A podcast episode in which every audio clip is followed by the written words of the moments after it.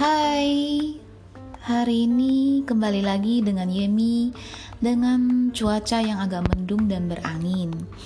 Sudah lama beberapa hari ini aku tidak bikin rekaman karena agak malas dan banyak kesibukan dan juga uh, ada masa-masa sulit yang aku hadapi.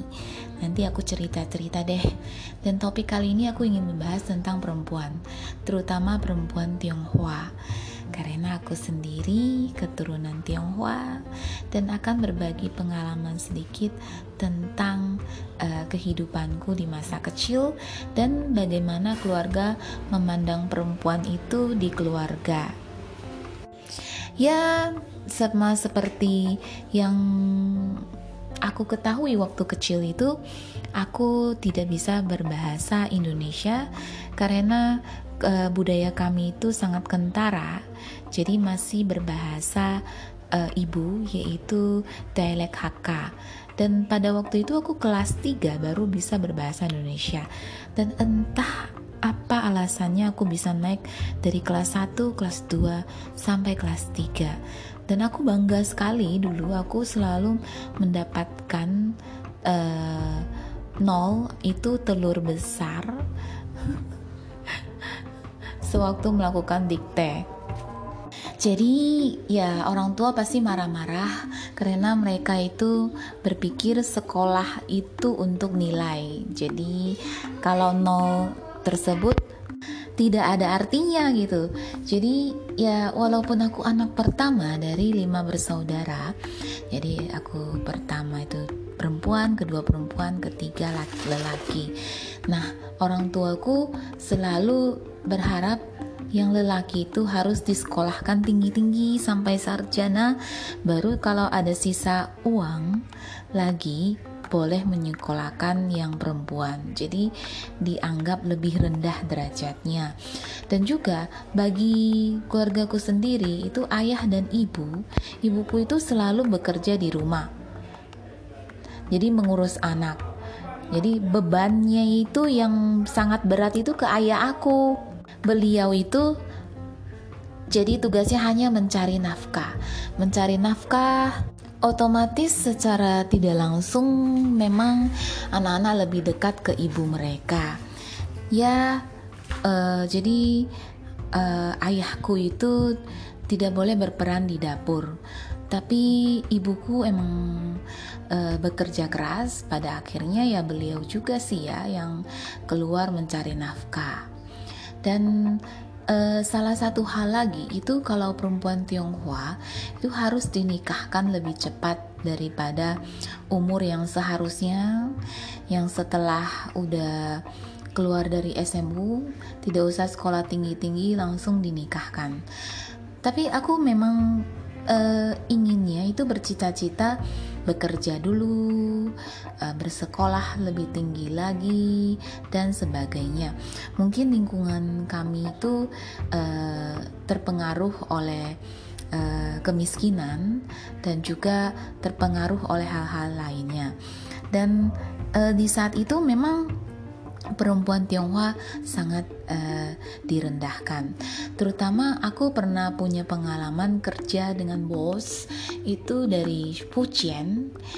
Uh, bosnya aku itu berkata bahwa di Cina itu ada peraturan hanya di salah satu keluarga itu boleh melahirkan satu anak, yaitu lelaki. Kecuali kalau anak pertama itu dilahirkan perempuan, dia boleh melahirkan sekali lagi. Yang kedua, sampai atau yang ketiga dia melahirkan dapat lelaki. Jadi lelaki itu begitu berharga di mata uh, orang-orang Cina pada saat itu uh, di Fujian terutama karena di Cina itu kan penduduk uh, merupakan penduduk terbesar di dunia. Jadi, untuk mengurangi pertumbuhan penduduk, mereka melakukan program kebijakan seperti ini. Walaupun setiap anak harus bayar pajak, ya, kalau lahirin satu anak. Nah, seperti itu ada cerita-cerita lain lagi yang di masa zamannya kerajaan, tapi aku tidak akan menceritakannya di sini, hanya akan mempersingkatnya.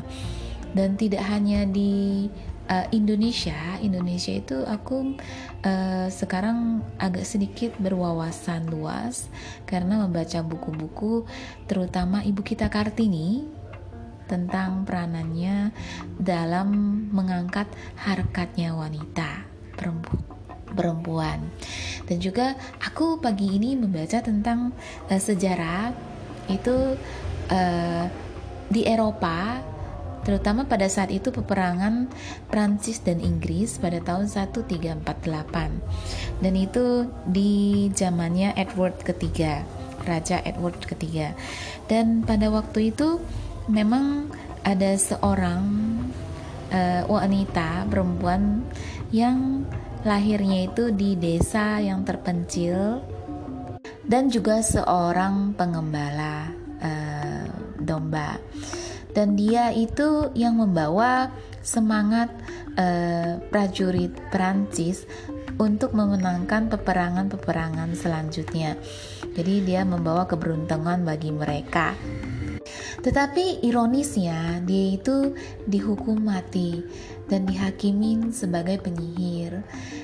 Karena uh, wanita itu tidak boleh memimpin suatu negara atau memimpin uh, prajurit memimpin lelaki.